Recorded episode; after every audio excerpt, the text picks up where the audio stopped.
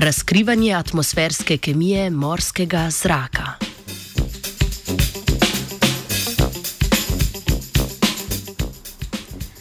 Današnji znanstveni Britov pričenjamo s prehodom ob morski obali na svežem morskem luftu. Za trenutek obstanimo, zamižimo in se osredotočimo na von.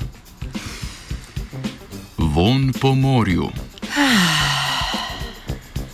Za ta specifični von po morju so odgovorne žveplove spojine, ki jih proizvajajo nekateri manjši morski organizmi, kot je denimo fitoplankton.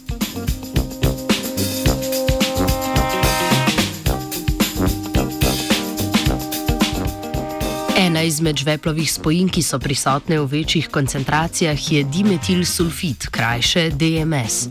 Ob vstopu v ozračje se DMS v različnih reakcijskih kaskadah, preko interakcij z drugimi spojinami v ozračju, oksidira do žveplovega dioksida, ta pa še naprej do žveplove kisline.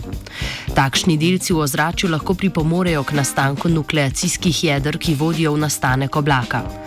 Sproščanje žveplovih spojin je posledica delovanja morskih organizmov in njihove kemijske pretvorbe v atmosferi, ki tako predstavljata pomembna dejavnika za razumevanje podnebja in oceanskih biogeokemičnih ciklov.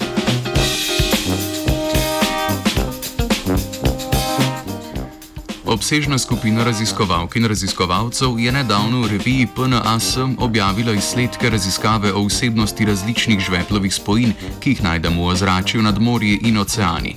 Za zbiranje podatkov o vsebnosti žveplovih spojin so uporabili nasine atmosferske sonde ATOM oziroma ATOM.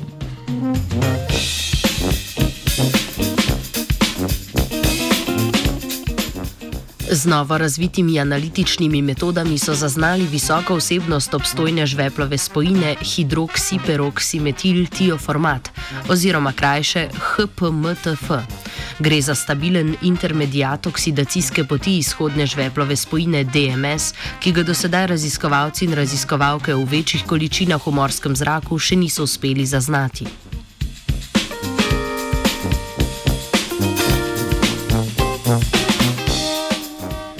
Raziskovalke in raziskovalci so na podlagi opaženih vsebnosti HPMTF v ozračju postavili model in pokazali, da se kar več kot 30 odstotkov atmosferskega DMS oksidira v HPMTF.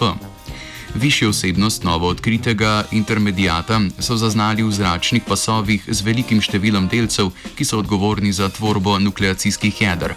Tako raziskovalci ugibajo, da je prav HPMTF odgovoren za uspešno tvorbo nukleacijskih jedr, če ravno izbrani podatki tega še ne morejo potrditi.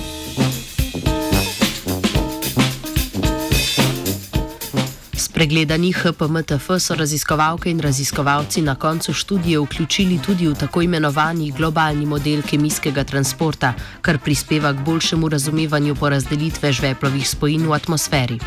Ta spoznanja pa bodo pripomogla tudi k boljšim, zanesljivejšim modelom podnebja. Z luftov se je urož. Radio študent.